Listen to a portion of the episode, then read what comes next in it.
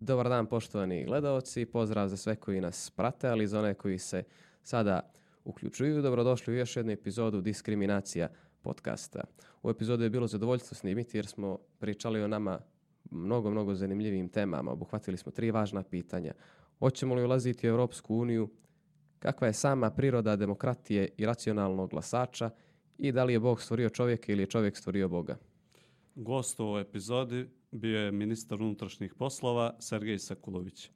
Prije nego što vas pustimo da dogledate ovu epizodu u cijelosti, važno je napomenuti da ovaj podcast dio aktivnosti projekta Diskriminisani zajedno, koji realizuje Centar za građanske slobode uz finansijsku podršku ambasade SAD u Podgorici. S tim u vezi važno je navesti da su stavovi i mišljenje izneseni u ovoj emisiji, stavovi isključivo nas kao voditelja i autora i naših gostiju i ni na koji način ne odražavaju stavove i mišljenja bilo ambasade Sjedinih američkih država, a, bilo State Departmenta ili Centra za građanske slobode. Ukoliko vam se sviđa ovo što radimo, podržite nas lajkom, šerom i subscribe-om i naravno komentarišite i iznosite na vaše utiske i mišljenja o temama koje budemo obrađivali. Uživajte u današnjoj epizodi. Prije svega evo, da vas pozdravim ovako zvanično kao osnivača Centra za građanske slobode. Prije svega uh, organizacije u koje smo sada mi okupljeni ovdje.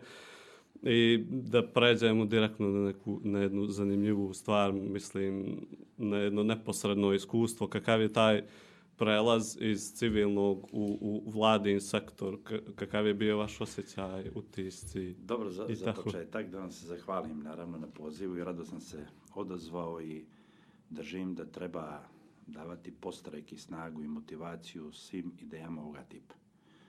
Dakle, mislim da je s obzirom na jednu tabanu medijsku scenu u Crnoj Gori, pa između ostalog vjerojatno jednu, jedno učaurivanje čitave te medijske scene, potrebna je jedna svježa krv. Ja primarno ovo doživljavam kao to i jedna od osnovnih motivacija da danas budem ovdje sa vama jeste, jeste i ta. Dakle, moraju i alternativni izvori informacija da dođu, moraju da se otvaraju prostori za uh, nove aktere na, na, na medijskoj sceni, NVO sceni i tako dalje. A što se tiče činjenice da sam jedan od osnivača Centra za građanske slobode, mene pričinjava za jedno veliko lično zadovoljstvo da vidim da ova organizacija raste, da dobija nove oblike, nove modalitete djelovanja, uključujući ovaj današnji i u tom smislu vama velike čestitke upućujem i samo naprijed. Dakle, hrabra odluka, hrabra ideja i, i, ovaj, i želim vam puno uspjeha u daljem radu. Prelazi konkretno pitanje civilnog sektora u vladini sektor i tako dalje.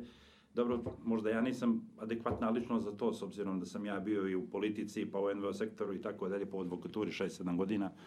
Za mene ti prelaci nisu ništa dramatično, nisu ništa spektakularno. Za mene to je potpuno prirodno i ne doživljavam, iako vidim državni sistem i civilno društvo kao dva, dva sektora koja imaju bitno razgraničenje, naravno i polje gdje se nadopunjavaju, gdje se oni sudaraju i gdje su oni u kontaktu, ali ne držim da je to ništa toliko važno ili na bilo koji način na bilo koji način nešto spektakularno da vi iz civilnog sektora krenete u državni sektor, pa se tamo vratite i tako dalje. Držim da bi čak Crna Gora trebalo to da afirmiše.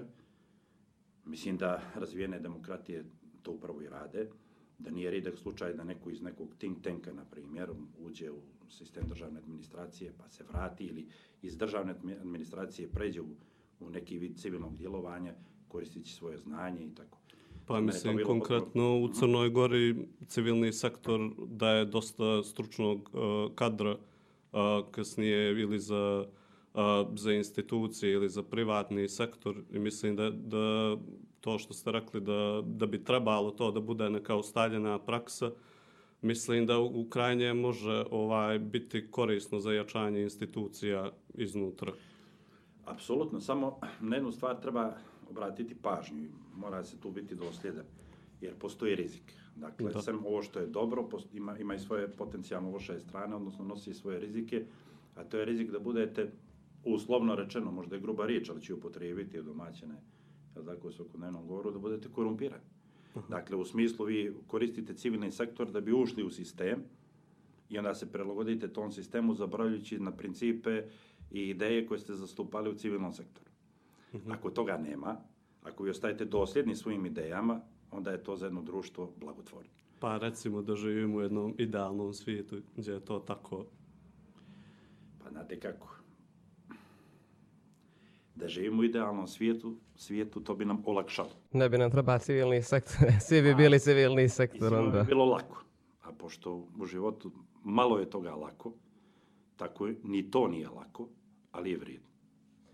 A koliko, koliko, pošto je NVO sektor u Crnoj Gori posebno zadnjih godina, čini mi se možda sad da se malo te strukture razbijaju nekom prilivom neke mlade snage, koliko je on monopolistički, koliko, koliko kolege iz civilnog sektora gledaju blago na okolnost za, is- za iskakanje iz okvira na koje su navikli, bilo da se neko bavi novom temom u NVO sektoru ili da pređe iz NVO sektora u vladin sektor. Sam ja tu malo pod rizikom za to što sam ministar unutrašnjih poslova, pa da budem optužen da vršim nekakav neprimjereni utjecaj na NVO sektor ili da vršim neku kritiku iz ko zna kojih motiva, ali neću ostati dužan, dužan odgovor. Dakle, eh, samo ću pokušati da budem malo prezni s riječi.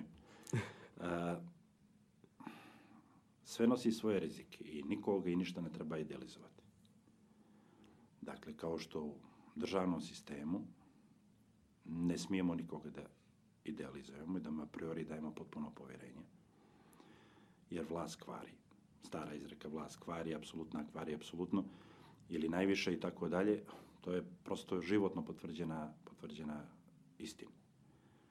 Tako i NVO sektor, ako ste vi previše dugo u tom sektoru, ako vi iz njega vučete i određene lične benefite, prije ili kasnije rađa se ta potreba da zatvorite taj krug i da ne omogućite drugim akterima upliv na tržište, jer to počinjete da gledate između ostalog kao jedan vid e, ličnog biznisa, biznis plana koji funkcioniše i svaki novi akter na tržištu ne doživljava se kao osnaživanje tog sektora i priliv novih i svježih ideja, nego kao konkurencije koju treba istisnuti. I crnogorski nevladin sektor ima s jedne strane veliki kvalitet, a to je da je uticao na društvene tok, to- tokove vjerojatno više nego bilo koji civilni sektor zemalja u regionu, ali sa druge strane ima i taj rizik da lideri ili liderske or- organizacije u sektoru budu samo dovoljne i dožive bilo kakav upliv novih svježih snaga, ideja, organizacije i tako dalje kao rizik ili prijetnju po sobstvene interese, gdje oni mogu da djeluju brutalno, na nivou čak političkih partija, možda možda na subtilniji način i brutalnije, jer vamo je to ipak otvorenije, vamo može ispod žita da se radi i da tako guše razvoj društva. To je ta opasnost koja postoji. Dakle, civilni sektor mora da bude otvoren, nebitno kakva je bila politička konjunktura, nebitno koja struktura je bila na vlasti, jer ako to ne bude radi, on se pretvara one matrice ili one strukture i počinje da liči na njih koje formalno kritikuju a onda to naravno prosječan građanin, pogotovo ako se radi o mladim ljudima koji su željni afirmacije, koji nose po prirodi stvari svježe i, i, i, i lijepe ideje sa sobom, neoštećeni nekim životnim iskustvom, kad to osjete, onda budu dubinski razočarani, Da, jer da. ne vide prostor za sebe. Da, vrlo ste dobro, vrlo ste dobro to rekli da počinju da liče određene NVO strukture na upravo strukture formalne koje treba da kritikuju. Meni se neđe čini kad gledam komunikaciju NVO sektora određenog dijela, da umjesto da NVO sektor utiče na vladin sektor da prihvate neki građaninu prilagođeniji jezik, komunikaciju koja je prilagođenija građaninu, da dolazi do toga da NVO sektor uzima pravno-administrativni jezik struktura vlade i počinje da bude fokusiran ne na promjenu koje radi, ne na građanina, nego fokusiran na jedan dokument koji se To je, to, dostavlja. aha, to je proklesto birokratije. Upravo da su birokratizovali. Gozdeni zakon oligarhije okoštaju te strukture i E sad, e, moram to malo i da branim NVO sektor u smislu, nije on monolitna, monolitna struktura. Dakle, ako se radi o građanskom aktivizmu, NVO sektoru koji je više naslonjen na to, naravno svaki vid te birokratizacije vodi devijaciji, ali ako se radi o, recimo, primarno think tank organizacijama, watchdog organizacijama, fokusiranim organizacijama, jedan dio administracije ili administrativne deformacije mora da ih prati. Uh, i u tom dijelu imam razumijevanje, pogotovo prema think tank organizacijama. Međutim, uh, suštinska ova opasnost koju ste, koju ste vi očili, koju vi, vi osjećate, a s kojom sam ja saglasan, jeste da po, postaje vremenom bitno da papir bude što je moguće ljepše umiven, iako nema dodira sa realnim životom, nego ono što su realne potrebe građanina. I ta vrsta otuđenja ili rizik od otuđenja nevladinog sektora apsolutno postoji i dobro je na to ukazivati, ne u kontekstu da se NVO sektor na bilo koji način urušava da mu se urušava kredibilitet, jer to nije cilj, to nije osnovna ideja, ali da ne bi sa svog pravog puta odlutao. Pa meni je, meni je jedna stvar uhvatilo pažnju uh, kad su ta važna društvena pitanja uh, kojima imamo visoko učešće nevladinih organizacija, uh, bilo da u toku javnih rasprava, da kritikuju odluke vlade i tako dalje. Ova nova odluka koja je donijeta o sticanju crnogorskog državljanstva prijemom, da je skraćen broj godina boravka koji je potreban da osoba stekne jedan od uslova za sticanje državljanstva sa 15 ukupno na 10 ukupno godina. I u poslednjih godinu dana primijetio sam izuzetno visok stepen politizacije tog pitanja, da uopšte da nije bilo nekih napora od civilnog sektora da se o tome raspravlja uh, na nivou neke konstruktivne debate, nego izađu i kažu e, ovo je sredstvo e, nacionalnog, etničkog ili nekog drugog inženjeringa e, i, ili da, da, će nekom, da će ljudima koji ne žive u Crnoj Gori a imaju crnogorsko državljanstvo biti oduzeto državljanstvo što je potpuno absurdno. E, I e, kako se e, kako se može spriječiti taj priliv politike, dnevne politike u civilni sektor, u taj narativ koji bi eto trebalo da a, možda konkretno u situaciji Crne Gore više oslik, oslikava neki građanski stav nego, na primjer, nešto što dolazi iz političkih partija, a, a da ovaj vodi nekom konstruktivnom rješavanju tog pitanja, u konstruktivnoj društvenoj debati kao jednom važnom pitanju suvereniteta, unutrašnje organizacije zemlje i tako dalje.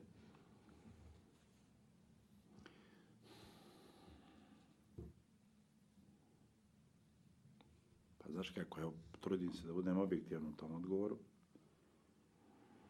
Dakle, politika državljanstva jeste jedna od najvažnijih politika koje vodi Ministarstvo unutrašnjih poslova, koje predlaže od ih vlada i krajnjem parlament sa usvajanjem zakona ili izmjena i dopuna zakona o crnogorskom državljanstvu. Državljanstvo u svakoj zemlji jeste jedna osjetljiva oblast, osjetljiva, osjetljiva politika.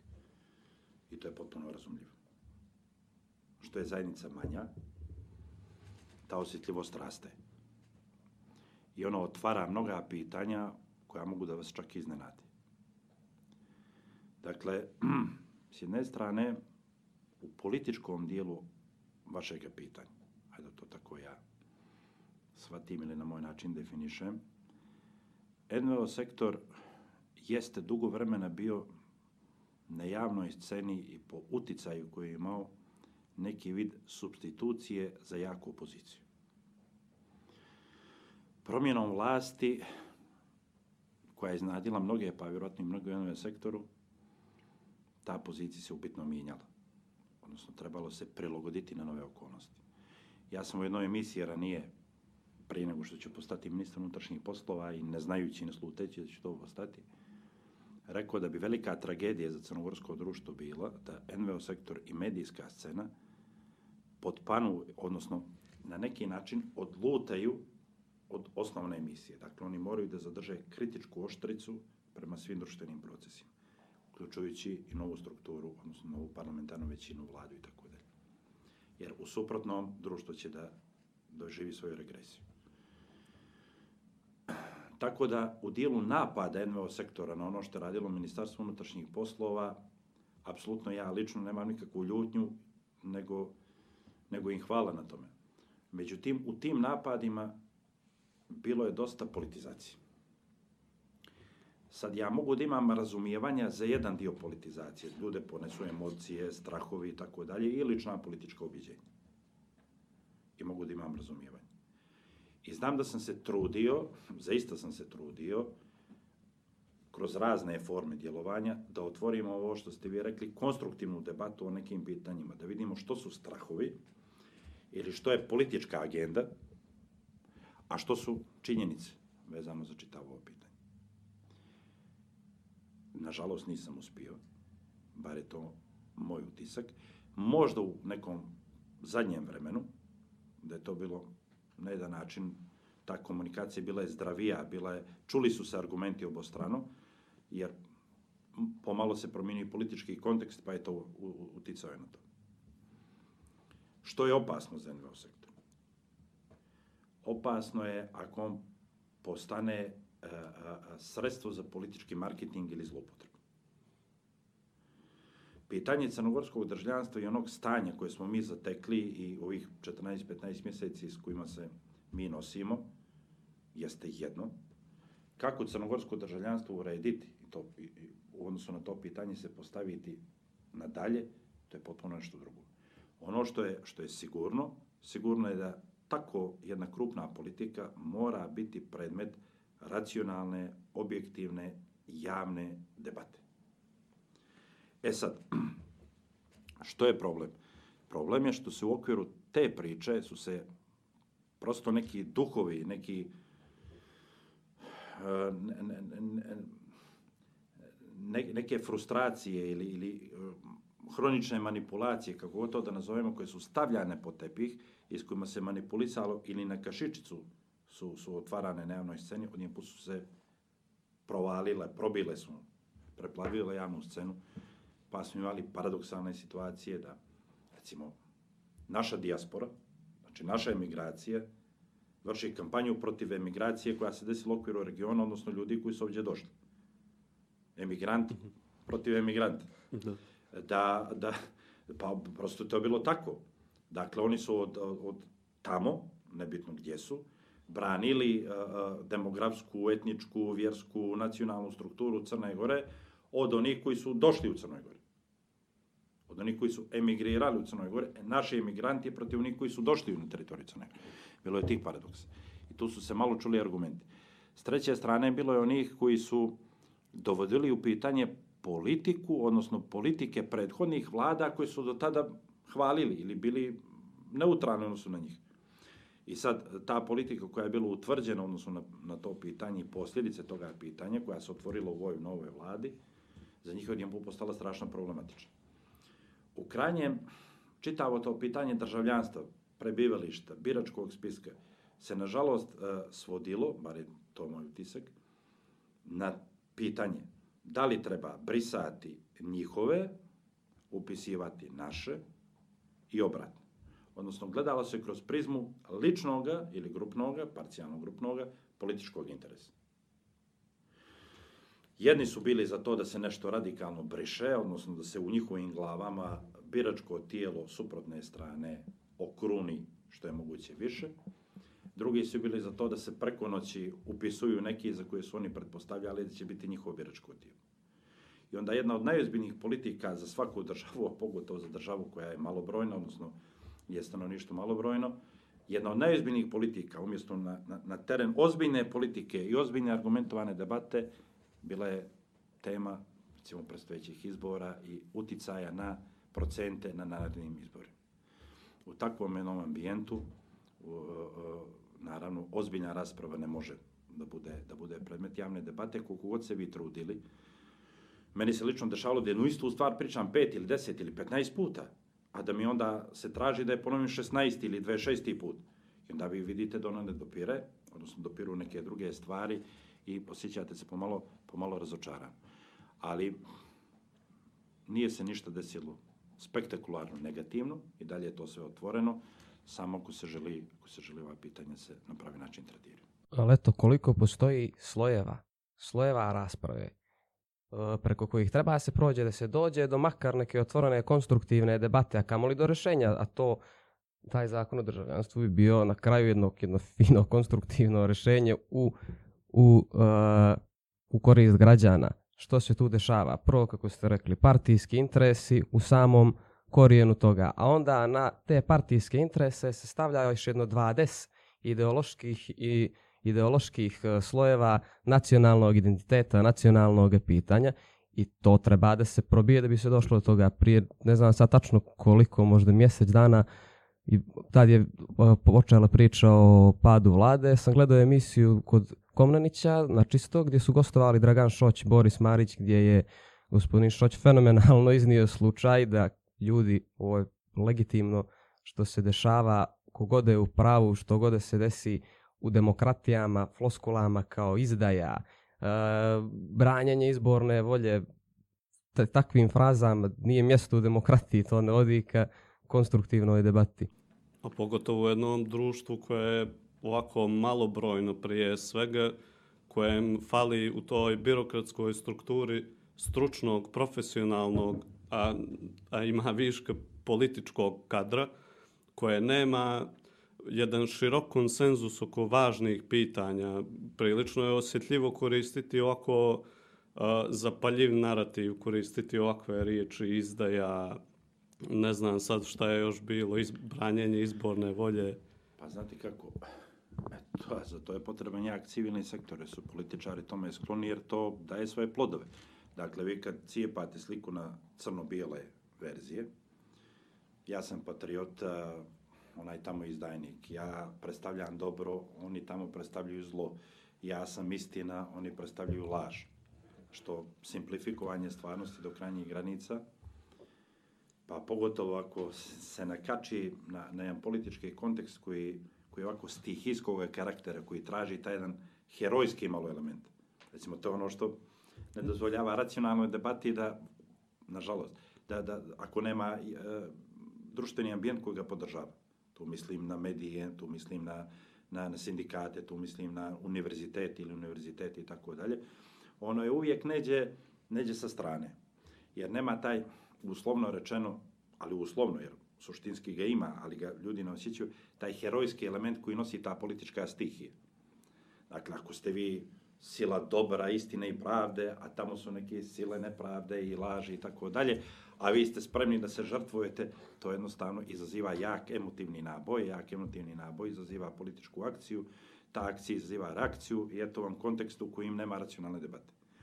U tom dijelu civilni sektor koji forsira racionalnu i zdravu debatu je negdje uvijek u defanzivi. Ako ga društveni kontekst ne podržava. Nažalost, u Crnoj Gori u kontinuitetu društveni kontekst podržava ovaj primitivno seljački oblik promišljanja i djelovanja, a ne... da, da, da, da, da, da. Ne, kompletna debata se, da, se, kompletna priča kroz medije se sastojala u dobacivanje. Ti braniš fotelju, ti izdaješ ti si izbornu, 20 miliona, izbornu ti volju, si prodao ovaj, Crnu Goru. Ali ironično, u Crnoj Gori dvije partije koje su koje se predstavljaju kao građanske, koje su najjače, te dvije partije su se dobacivale sa tim, sa tim optužbama. I sad tu se meni javlja jedan problematičan, jedan problematičan moment, a to je, to su građanske i demokratske partije u Crnoj Gori. Nekakva glavna priča tu, koja se i nekako implicitno prihvatila je ne može se DPS-om i SDF-om. Ako postoje dvije partije koji, od kojih sam najdalji i njihove politike, to su te dvije partije. Znači, na stranu toga slažem li se ili ne slažem se njima. Mogu li dvije partije koje su građanske, koje ukupno zajedno imaju oko 20 glasova, 20%. 20% glasova, 20 glasova, da kažu 260.000 ljudi od 400.000 glasača koji su ukupno zajedno glasali za DPS i DF, da li s takvom pričom oni šalju njima poruku vaše mišljenje, vaš glas ne važi ili vi ne umijete da glasate? Dobro, ovo je sad stvarno specifičan politički moment i po mnogo čemu iskače iz nekih uobičajenih obrazaca. Recimo, argument koji kaže DPS, mi smo partija koja je dobila najviše glasova u svakoj razvijenoj demokratiji, toj partiji se daje da predloži mandatar. Ima smisla. Ili kad DF kaže, mi smo partija za koju je, odnosno koalicija zajedno za budućnost, za koju je glasalo 133.000 birača, mi smo potpuno van političkog e, procesa i procesa odlučivanja i niko neće da nas uključi i to nije fair, takođe ima smisla. Dakle, argumenti DPS i DF-a koji su naslonjeni na izborni legitimitet piju vodu. e sad čitava manjinska vlada, odnosno ova ekspertska vlada i tako dalje, to jesu jedni tranzicioni model. Nastali sticajem raznih okolnosti, o tome možemo da otvorimo raspravu ako, ako želite, a, koji se dešavaju možda jedan put u 50 godina, u 100 godina ili tako dalje. Nametnule su ih određene, određene okolnosti i one imaju same po sebi, po prirodi stvari, imaju demokratski deficit. Mada bismo u demokratiji kao takvoj deficitu izborne volje i glasačke volje mogli da pričamo do šutere. Demokratija ima tu kontradiktornost u sebi. Prvo, samo imaju pravo glasa, oni iznad 18 godina. Da, polo od pola, Da, polo od pola, je vi kad uzmete samog stvarno, legitimiteta tako je, izbora. Tako je, on nije savršeni, savršeni model daleko od toga, ili ono negdje te rečenice Čečilove, čini mi se, koje, koje, koje smo svi negdje naučili, najmanje, najmanje loše rešenje, najmanje loš model. E, to zista pije vodu. Ali što demokratija sobom nosi, ili bi trebalo razvijena demokratija da sobom nosi kao kvalitet koji je razdvaja između ostalog u drugih oblika vladavine, jeste ipak javna ili potreba za javnom odgovornošću. Dakle, ako se uradi nešto ili desi nešto što nije u skladu sa određenim etičkim principima, da se nosi lična partijska odgovornost za to, jasna, nedvosmislena. To je ipak demokratija ili razvijene demokratije nas tome uče. I drugo je da je vlast minjiva. I to možda jesu dva kriterijuma, bar po nekom mom sudu, koja razdvajaju ili u bitnom razdvajaju u kvalitativnom smislu demokratiju drugih oblika vladavine, ali da je savršeno daleko od toga. U, ko u kontekstu toga i sve ove crnogorske sad nedoumice i ovo što se dešava, jesu jedan vid pff, protivrečnosti samog demokratskog procesa, ja sam s tim potpuno sla, saglasan, ali, ali nije lako, jer kad se otvori pitanje što je narodna volja, što je izborna volja, možemo to da uzmemo iz koje god hoćemo ugla, možemo i da zloupotrebljavamo to da vidimo samo ugao koji nam odgovara. Dakle, jedan je ugao nesporan. Ako je legitimitet na glasovima, a DPS i DF su van sistema, nešto nije u redu. Drugi argument je, ljudi su većinski glasali da DPS ide u poziciju. Tačno, ili mislim da bar to nije Relativno generalno- tačno. treći argument, tri četvrtine ili u najmanjem dvije trećine ili od dvije trećine do tri četvrtine u kontinuitetu građana Crne Gore nesporno žele da idu u Europsku uniju. Dakle, ta evropska agenda bi trebala da bude politika broj jedan, kogod bio na vlasti. Da li je to tako? Koliko ju politiku stvarno zastupa? I gdje je izborna volja? To je, to, to je, to je jedno, jedno, jedno, otvoreno, jedno otvoreno pitanje. Ja neredko imam osjećaj da su izbori 30. augusta 2020. godine u stvari bili samo prvo polovrijeme. I da čitavi ovaj period koji mi sad živimo od nekih godinu i pol dana je u stvari onih 15 minuta, futbolskih 15 bar minuta, između dva polovremena. I čekamo drugo polovrijeme. U drugom polovremenu situacija mora da se stabilizuje i ta volja, što god ona, ona bila nakon tih izbora, treba da bude jasnije formulisana u skladu sa jasnijim politikama koje budu akteri na tom tržištu ili u političkoj utakmici izbornom ciklusu budu, budu javno iznosili. Do tad treba pripremiti ambijent za to, kakva god vlada buduća, bila manjinska, tehnička, koncentraciona, građanskog jedinstva, državnog jedinstva, što god bilo u pitanju, ona mora da stabilizuje crnogorske prilike, da okomoti crnogorskog građanina, bar od straha od sukoba, nikome ne može ubijediti da vi možete slobodno da se izrazite na izborima suštinski ako se bojite konflikta. To već utiče na psihologiju ljudi i oni biraju na jedan specifičan način. Potrebno im je zdravi normalni kontekst, fair uslovi koliko se može, jasne političke platforme aktera u, u izbornom procesu, ko pobidi sretno bilo. Dotakli ste se sad moje omiljene teme, a to je racionalnost glasača, koji su tu psihološki i biološki motivi. Istraživanja pokazuju da što je nestabilnija uh, politička situacija, društvena situacija, što je veća prijetnja, na, na, na biološkom nivou postoji tendencija ljudi da glasaju za konzervativnije varijante.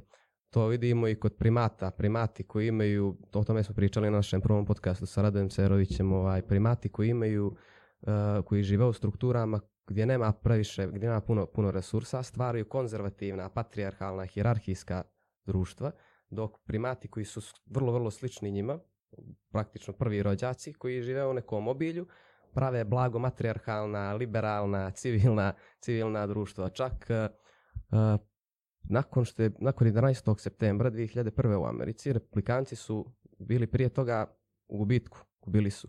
Nakon toga, Kompleksni ste, moram da pratim, znači ne smije da mi koncentracije pane sekund. Izvini. nakon, nakon toga događaja, znači dešava se kata- katastrofa, svjetska prijetnja od terorizma, paf, raste, žestoko, žestoko raste broj glasača za republikance. Ima jedno e, interesantno istraživanje ili, ili, ili razmišljanje vezano za ljudsku psihologiju ili ljudske karaktere ili karaktere individua i njegovo političko opredeljenje. Mislim da ta hipoteza još nije dokazana, ali, ali postoji, postoji izista tu nešto. Na primjer, postoji tih čuvenih pet osnovnih karakternih crta ličnosti.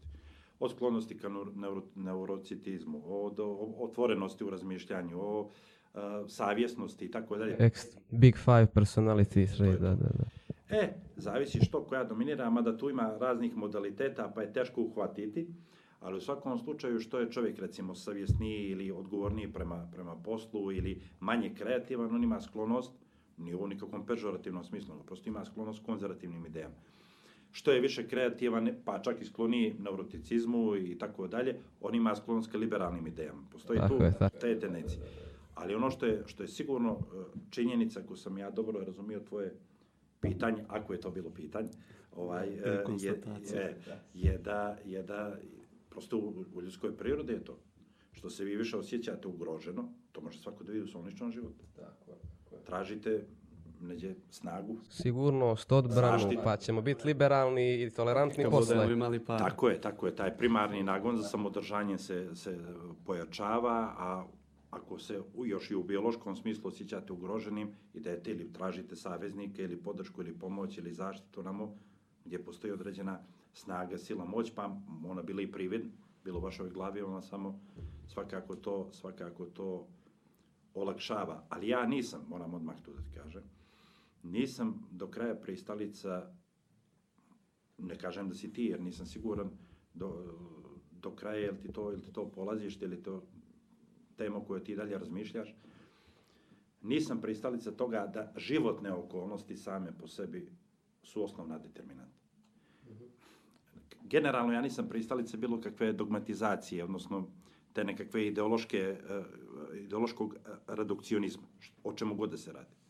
Pa da tražimo u borbi klasa, u materijalnom elementu, u čemu god da tražimo, kolektivnim identitetima, rodnoj, gdje god da mi tražimo osnov svih društvenih problema ili rešenja, u jednoj tački ja imam strašan problem s tim, jer, jer mi je to uska slika. Znači ima tu elemenata istine, ali, ali nije sva istina tu, a uvijek postoji e, tendencija da se sva istina smjesti u, u- neki Tako obrazac. da.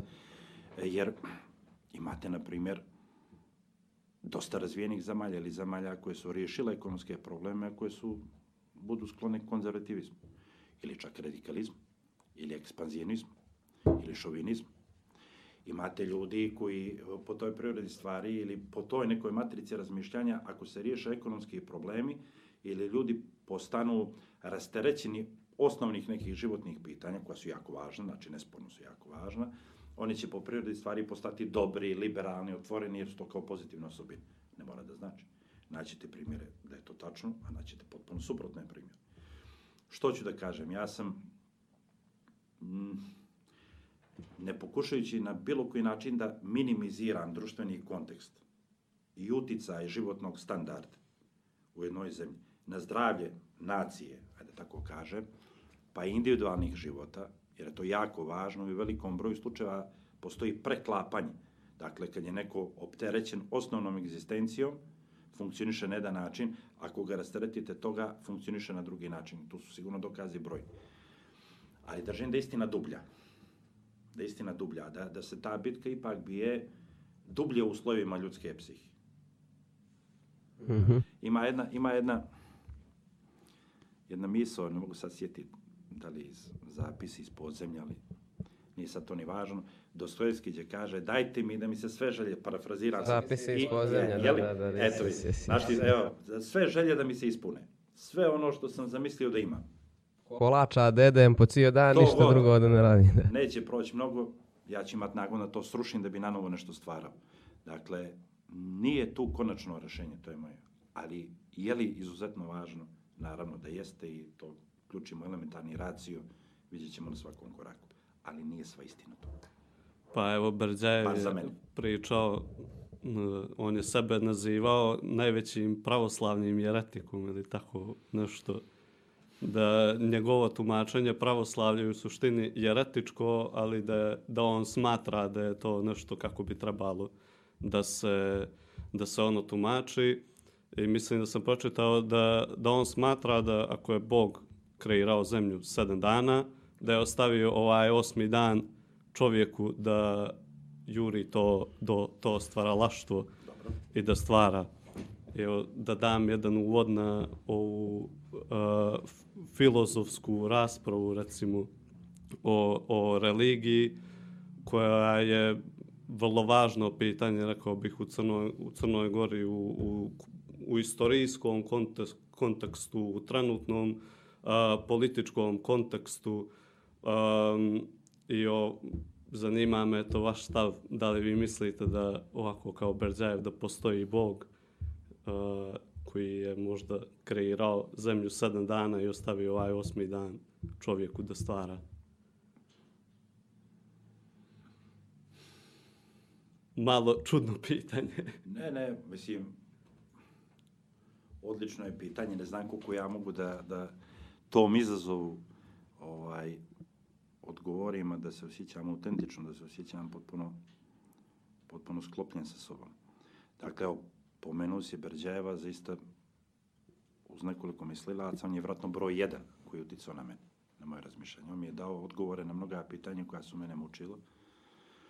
Pričamo kod Berđajeva kao filozofa koji je personalista, što se meni jako dopalo i koji u osnovi sve naslanja ili primat daje slobodi, tako on od sebe nije, bar je to neki moj zaključak, pravio neki, neki vid gurua, smjernice, neke da ga sad moramo slipo pratiti.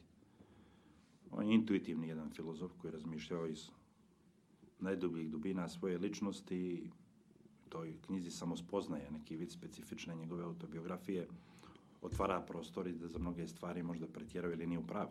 Apsolutno, meni- ali što meni je baš zbog toga bio zanimljiv. Tako je, to stvaranje osmog dana, ta ideja je jedna od, uslovno Da. rečeno, jeretičkih i on jeste bio nekoliko puta na granici toga da bude ekskomuniciran iz pravoslavne crkve, jeste da on možda najinteresantnijih njegovih ideja. Da li je Bog stvorio svijet za sedam dana, oh, pod sedam dana postoji tu ta debata, da li je to sedam dana, sedam puta 24 sata ili Pa ako je ostavio, ako je ovo osmi dan postojanje čovjeka, Ali ajde da onda su zanemarimo tih to. je, dana znači, sve Ili ima, ili ima u. Bibliji, ne znam, da li apostol Pavle kaže za Boga jedan dan kao hiljadu godina ili hiljadu godina kao jedan dan. I u suštini tih sedam dana ne mora da znači sedam naših dana ili sedam dana, ovo što mi brojimo za sedam dana može da bude sedam miliona miliona dana ili kako god, potpuno je nevažno, ali ja sad tu debatu na stranu da ostavimo ovaj osmi bit Da. Koji je trajan, ili osmi dan opet nije 24 sata, nego je, nego I je dalje trajan. traje.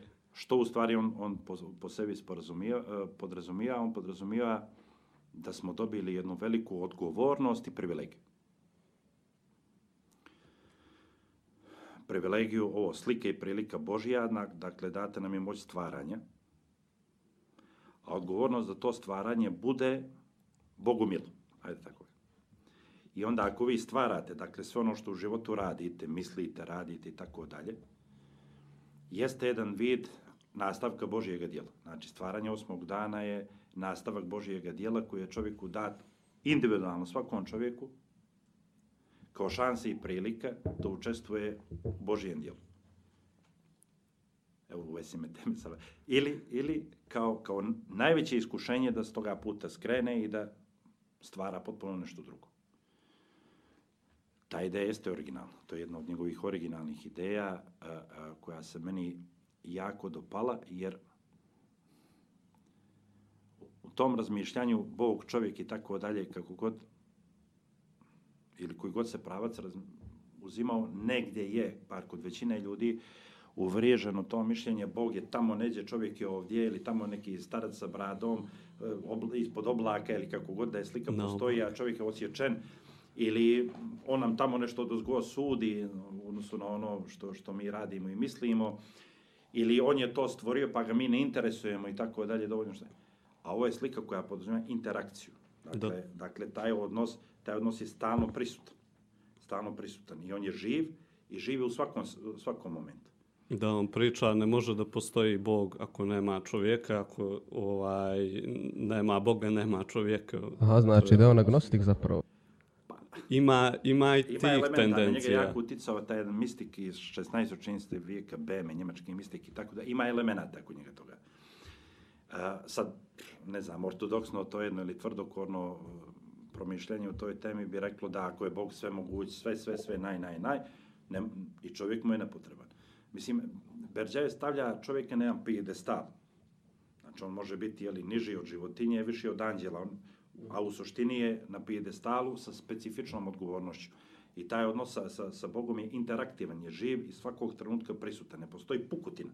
No, mi je tamo, on tamo, ili sudije je tamo, mi ovdje što god radimo, pa će nam on suditi. Nego je stalno to živo i postoji obostrana, obostrana potreba. Ali ta potreba nije u smislu samograničenja, nego u suštini u smislu ljubavi i povezanosti. Tako sam ga bar ja razumio. Pa da, njemu je čovjek bivstvujuće biće, a Bog ne bivstvujuće ne biće, što god to nama značilo. I on sam ne, kaže da ne zna i da ne shvata baš najbolje taj koncept, vjerovatno kao čovjek. Pa, vjerovatno da je, da je izašao s tezom, da je sve shvatio, ne, Ne bi bismo bio zanimljiv. Ne bi sad tako- pričali o njemu, tako- ja. Bar ja ga ne bi tako, ovaj, ne Pa- bi mu srce tako ušlo. On je bio isto kritičar Ruske pravoslavne crkve upravo zbog toga što je Ruska pravoslavna crkva, zbog toga što uh, u 19. vijeku ta filatizacija, ako, ako dobro. Etnofilatizam. Da, o, odnosno prisvajanje crkve od strane neke nacije je u pravoslavlju označeno kao jeres. I sad u Crnoj Gori i šire u regionu, u pravoslavnim zemljama postoji ta jaka tendencija, u stvari samo postoji tendencija pravoslavne crkve ka tom etnofiletizmu.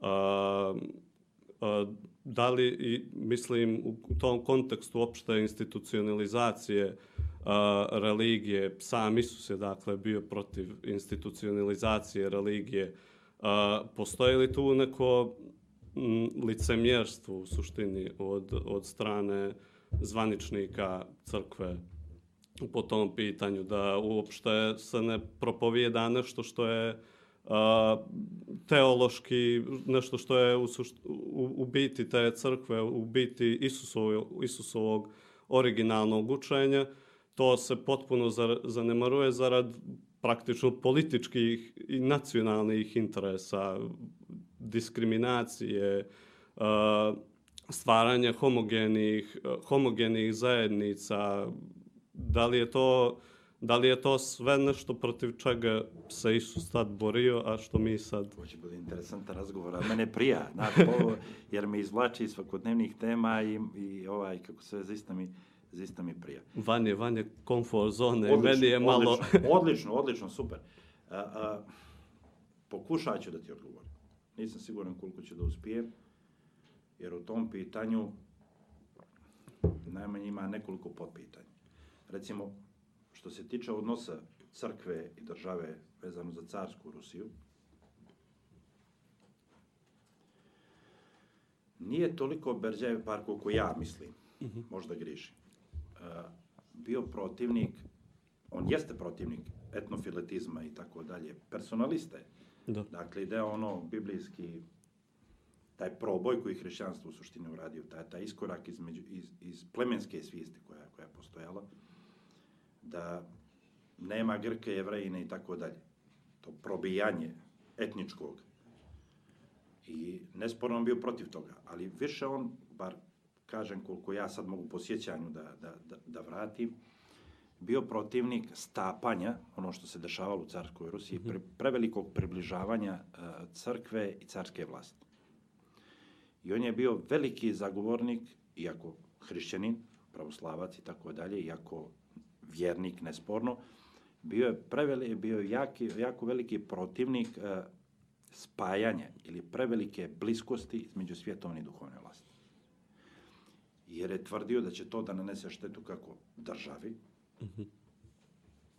koja će početi da zlopotrebljava crkvu za svoje interese, tako i crkvi koja će početi da se birokratizuje i da služi vlastima i onda će sa svojega pravoga puta da skrene. I bio je pristalica razdvajanja.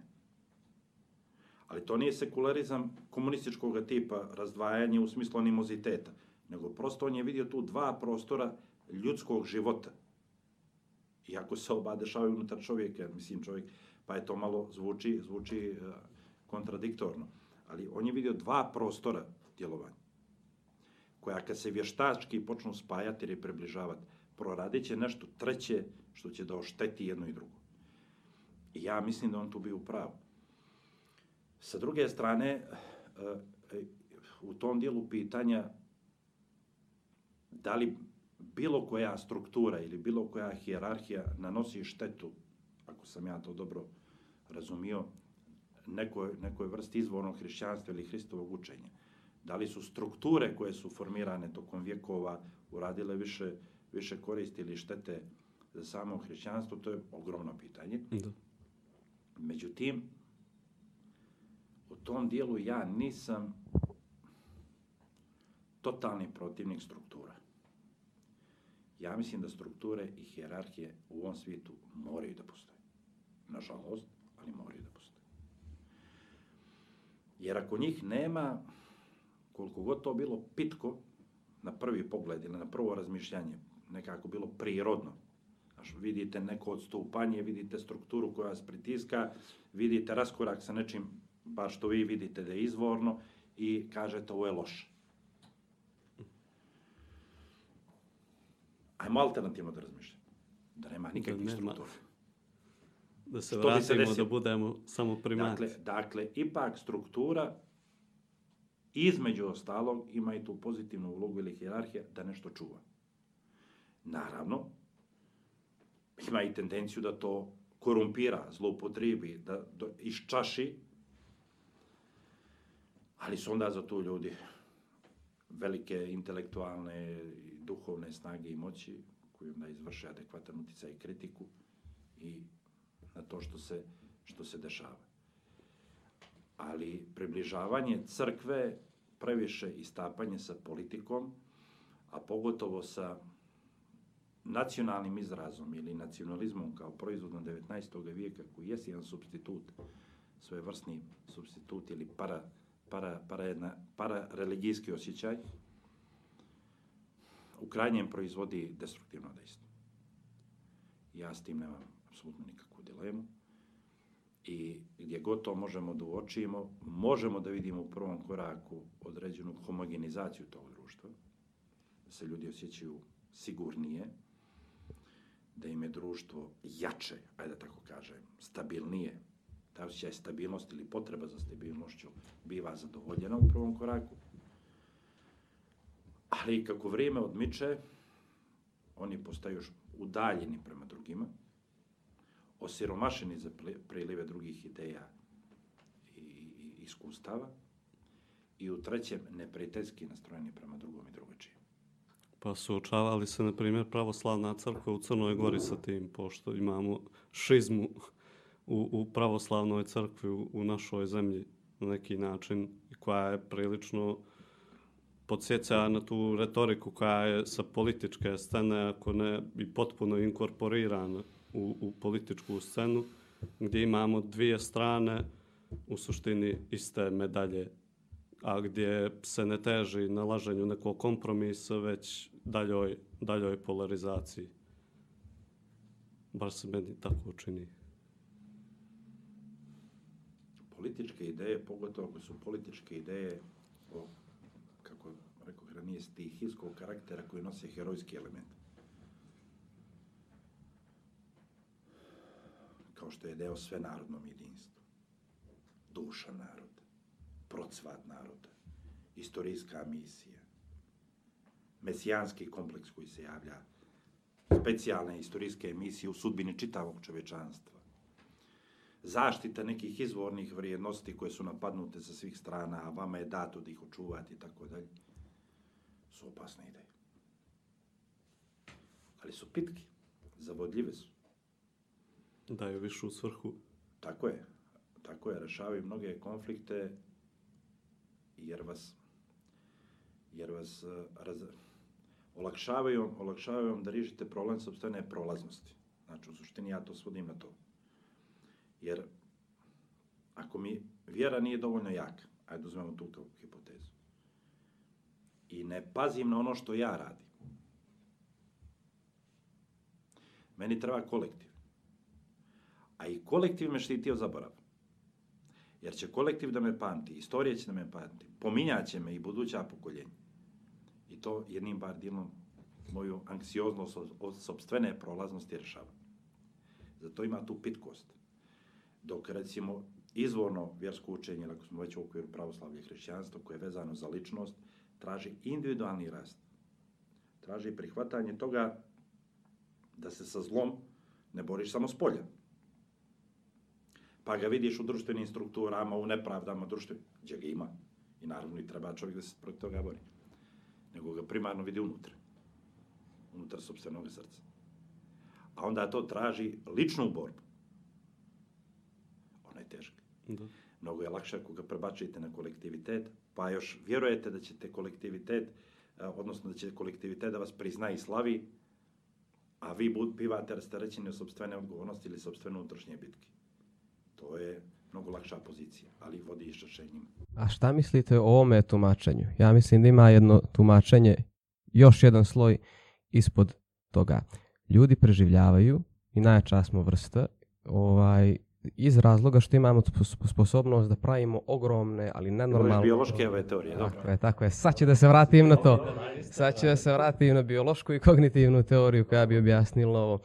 Ovaj, mi smo na vrhu lanci ishrane jer imamo sposobnost da okupimo milion ljudi pod, i više od milion ljudi pod određenim abstraktnim ideološkim strukturama. Religije, nacio- nacionalnog identiteta, pa do, društveni, do samih društvenih uloga, futbalski klub, društva sa ograničenom odgovornošću, znači neograničene, neograničene opcije. Mi volimo o tim stvarima da pričamo, o to su uklapa i sloboda i branjanje tekovina, kao da su racionalne, objektivne. To je jedna, po mom mišljenju, čista konstrukcija koja sad idem do poente, služi da napravimo plemena in group i out group. Ovaj, sad se vraćam opet na neka od prvih pitanja demokratija, racionalnog glasača. Ovaj, u teorija ekonomije je također dugo vremena gledala potrošača i bilo koga koji investira kao totalno racionalnog. I onda su se pojavili psiholozi 70. godina, Kahneman i Tversky, koji su ih rasturili, koji su pokazali da je u osnovi ekonomskih odluka totalna, totalna iracionalnost. To je ekonomiju revolucionizovalo i sad imamo behavioralnu ekonomiju. E sad se dešava jedan zanimljiv moment u nauci u zadnjih desetak, 20 godina. Možda homo economicuse su porušili, možda će sada poruše i homo demokraticuse. Rađeno je istraživanje u Danskoj gdje su ovaj podijelili određene izjave na liberalne i konzervativne i uzeli partije koje su ili liberalne ili konzervativne i davali glasačima da određene politike ili izjave i pratili uh, njihov stepen slaganja sa tim izjavama. Došli su do toga da je glavni, da je jedan od glavnih faktora pripadnost partiji. Znači, ako sam ja konzervativan i dobijem liberalnu javnu politiku, da je evaluiram, kakvi, neću ja ovo. Međutim, ako su stavili takozvani, oni su ga nazvali party Q, sponzorstvo od, od partije određene, ukoliko to podržava moja partija, mene će treba duže vremena da to prihvatim, u smislu morat ću da racionalizujem. Ne duže kao mjesec dana, radi se o, o sekundama, minuti, minutama, taj kognitivni proces razrešavanja konflikta. Mene će treba duže vremena da ja to obradim, izracionalizujem, ali ja ću da se složim se tim jer to moje pleme predlaže.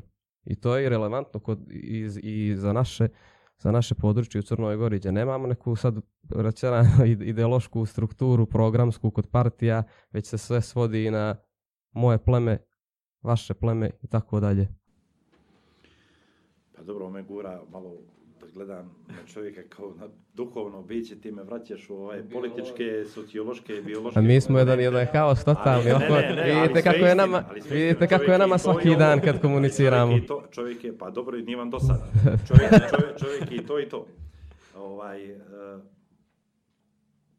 pa znaš kako, vjerovatno, to ono što kad mi kažemo Crna Gora je predpolitičko društvo, tamo neki zapad je razvijeno političko društvo, a u suštini, u suštini, e, ne bi, ne bi postojao konzervativizam, liberalizam, ne znam, partije centra, ljevica, desnica i tako dalje, da to nema oslona u, u ljudskoj prirodi. Sad zavisi što kome primarno, što kome dominira u unutar ličnosti, kao, kao kar, karakterna crta. Naprimjer, ako vam je primarno mišljenje da osnova društvene nepravde leži u institucijama, u društvenim procesima, po nekoj zamišljenoj definiciji, vi ste po prirodi stvari ljevičari. Borite se za socijalne reforme. Ako mislite da je primarni problem unutar, pa kažete, ne, ovdje nisam bio dovoljno vrijedan, ovdje nisam bio dovoljno odgovoran, ovdje sam se ponašao suprotno mojim interesima, ovdje nisam bio na nivou zadatke, dakle, da je problem primarno unutar. Postoji tendencija i sklonost ka konzervativnim idejama. Jer je odgovornost lična, ne institucije, ne spolja, ne procesi. Oni su proizvod lične pogrešne procjene odluke ili ovaj, od, a, neadekvatnog rada na sebi i tako dalje ili loših ličnih odluka. Primarna odgovornost je unutar, ne spolja. E sad, pošto ja negdje sebe doživljavam, jednim dijelom sam liberal u smislu nekih građanskih sloboda, kao što se organizacija zove, u drugom dijelu imam dosta ljevičarskih elemenata u smislu preraspodjele i tako je, pa volim za sebe da kažem, sam negdje u političkom centru, jer sakupljam, odnosno e, istinito mi je, istinito mi je e, iz dosta uglova po nešto.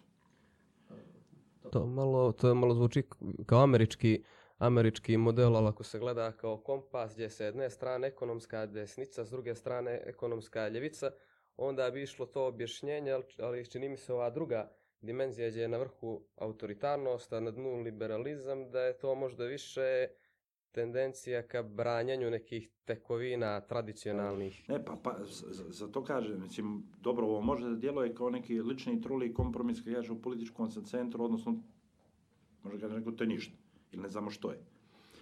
Ali ja nisam, ja lično nisam sklon ideologizaciji. Ta ideološka posjednost, pa se ufatim za jedno, pa od toga pravim sliku svijeta. Nego vidim istinu. I u liberalnim idejama, pogotovo ovim klasičnim liberalnim idejama, odnos pojedinci i države u dijelu nekih političkih i građanskih sloboda. I držim da je to jako vrijedno. Vidim vrijednost u nekim liber, u ovim ljevičarskim idejama u smislu preraspodjele, ovaj dio što mi zovemo socijalna politika. Vidim vrijednost tradicije. Ja nisam od ljudi koji, koji gaze po tradiciji. Ja vidim dosta vrijednosti u tradiciji. Ne u tradicionalizmu, ne u svemu što je, što je prošlost. Ali da gazim na to, i da kažem svijet počinje od mene ili, ili moje generacije ili naše generacije ili mi sad koji živimo treba da stvaramo iznova sve, to je od mene daleko i to mnogo. Da, da. A, a, da, da mislim da treba zatvoriti se za svježe i nove ideje, ne dozvoliti kreativnom razmišljanju, kritičkom promatranju svega ovoga navedenog, apsolutno mi ne pada na pamet, nego u tome vidim također veliku vrijednost. I onda mi je, ajde u mojoj glavi, kad kažem politički centar, manje više označava, označava, označava to. Na primjer, ja e, e, mislim da se upotrebio tu rečenicu, to su sve društveni konstrukti. Kad se nabraju ove oblike kolektivne svijesti, kolektivnog identiteta, ja mislim da samo to nisu. I jesu vjerojatno jednim dijelom, mi smo ih naslovili, ali nosi i neku dublju istinu. Potrebu čovjeka da se identifikuje sa grupom. Ja ne vidim u tome ništa specijalno sporno. Ako sačuva sebe, ako to nije sav svijet koji postoji. Treba i to poštovati, jer i grupe postoje, države postoje, odnosno narodi postoje, nacije postoje, kolektiviteti postoje i sa razlogom. Zašto se, može i to da se, da se razmišljanje uzme. Jer i oni produkuju određeno stvaralaštvo. Slažem, slažem se skroz s vama, ne polazim ja od totalnog post, postmodernizma i relativizma, to ne podržavam nikako, ali da, upravo ste potpuno taj, to što je socijalni konstrukt, to se uvijek vraća na ljudsku, na ljudsku prirodu. Po mom mišljenju neđe ne biologiju. Čomski kad su ga upitali o moralu, o šta misli o postmodernizmu i, i ovaj način na koji oni gledaju moral kao ono da ništa na, na kraju njihov zaključak da je sve živo relativno da je odgovor ista paralela kao sa jezikom. Imamo različite kulture koje imaju različite moralne vrijednosti, to ne znači da je moral totalno relativan i da je bez strukture, ono da je voda, da može da bude bilo što, bilo što ono, da, da, da ne postoji nešto što je unutrašnja struktura i odrednice iz ljudske prirode koji ga pravi, isto kao što u jeziku imamo različite riječi, pa kod eskima imaju 150 riječi za lupan broj. Za snijeg, riječi za snijeg. Ovaj, ali i dalje imaju određena, imaju određena ali imaju ratne sukobe. Eto tako. Imaju određena pravila po, kojim, po kojem se kreira struktura jezika, gramatička pravila, kao i kod nas, kao i u, i u Engleskoj ili bilo kojoj drugoj državi. Samo treba sebi da odgovoriš na pitanje da li je to posljedica biološkog razvoja ili evolucije čovjekove prirode ili jednim dijelom ili u potpunosti ili primarno posljedica čovjekove duhovne prirode. Mm -hmm, mislim, ja, moje, moje stanovište tu je da je definitivno se polazi od biološke strukture koja dalje kreira socijalnu strukturu. To je baza, ovo je nadogradnja. Da, nadogradnja. Posle socijalne strukture, pošto socijalnu strukturu imaju od, imaju rakovi, imaju vukovi, imaju kompleksne, ovaj, kompleksni, da, ne, ne, baš sve životinje, mislim imaju sve životinje, ali no, tigar je dosta samostalan, a na primjer šimpanze ili bonoboma imuni su ludilo koliko su dobro organizovali. Međutim, sljedeća struktura koja nama sve ovo omogućila, i ne pokušavam da je, da, da je diskreditujem, je naša sposobnost da osmislimo i religiju, da osmislimo i društvene uloge i sve što sam iznio ranije. Ne slažem se, ali dobro. I traje još jedan podcast da počne sa svojim. Bukvalno. da li da završimo sa ovim ili da postavimo još jedno pitanje u vezi sa Slobodno, što god želite. procesom pristupanja Europskoj uniji? Da li, evo, da počnemo... Mene je jako prijatno, neobično. I prija mi ova, ova promjena. Ovaj, da, da ga malo samo preformulišem. Znači, u julu će biti 10 godina od zvaničnog početka procesa pristupanja Crne Gore Evropskoj uniji. To nam se dosta ovako u medijskom, u političkom narativu predstavlja kao nešto oko čega eto, imamo najširi društveni konsenzus, no, rekli ste, minimum dvije trećine, ali mislim da su i sad i, po četvrtine. tri četvrtine. Tu se neće tu, tu 75% sigurno po, po, po poslednjim istraživanjima. Uh, I sad nam se uh, nova manjinska vlada koja, koju predlaže URA predstavlja kao vlada koja će u suštini uh, primarni fokus imati na procesu ovaj pristupanja Crne Gore Evropskoj uniji. Uh, da li je to nešto oko čega uh, sad stvarno možemo početi da gradimo neki širi društveni konsenzus o kojem se priča oko reformi institucija, vladavine prava, širenja demokratije i tako dalje i tako dalje. Pa to je jedan vapaj crnogorskog društva da dobije temelje, da dobije neko postolje. Mi, ja to tako doživljavam, mi jednostavno dugo vremena živimo u društvenom ambijentu koje je podvojeno ili pocijepano, što je sklonost demokratije. Evo, mi pa različite uglove imamo mišljenje i tako dalje, da nema ovoga Pa i u, i u najdemokratskim zemljama. Pa naravno, da. i to treba tako, ali mora neki temelj da postoji. Sad ja sam ranije bio veći optimista nego što sam sad, u smislu da taj temelj može da bude i u odnosu na neke stvari. Uh, mislim da ipak u Crnoj Gori postoje dvije ideje koje su dominantne ili koje su kontinuitet u smislu njene snage i objektivne prisutnosti u crnogorskom društvu. To mogu biti dvije teme, neko da postaje ili jedna u suštini jedno pitanje, to je ili dva, kako kome bliže, u odnosu na državno pitanje.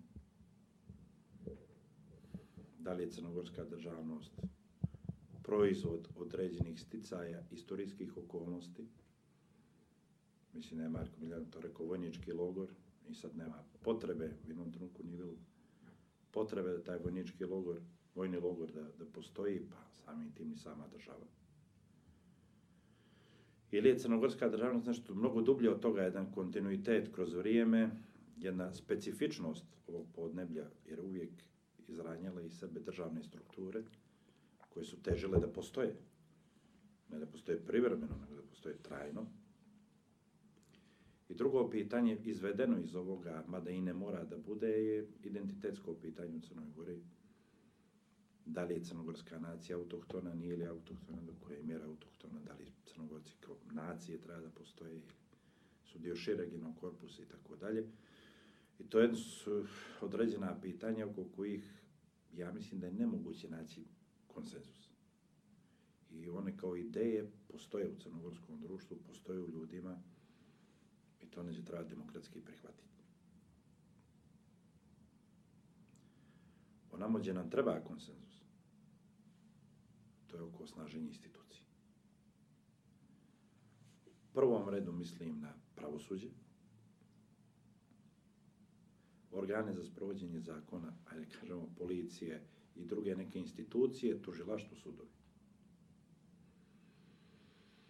Mi moramo da napravimo konsenzus oko toga da su nam potrebne znakle, snažne institucije i pravna država, ili šire gledano vladavina prava. Koja god ideja postala dominantna od ovih, da ne utiče na, na konsenzus po tom pitanju. U praktičnom to znači, iako nisam bar neodavno utopista, neki idealista, ali ipak u grubom, da to znači, kogod bio na vlasti, evo sad nova vlast, uključujući evo i mene u ovoj vlasti, da budem procesuiran ako radim nešto što ne treba. Ne samo prošlo, nego ja ili šutar drugi, nak šutar treći. I da mi kao građani znamo da sistem funkcioniše u tom dijelu.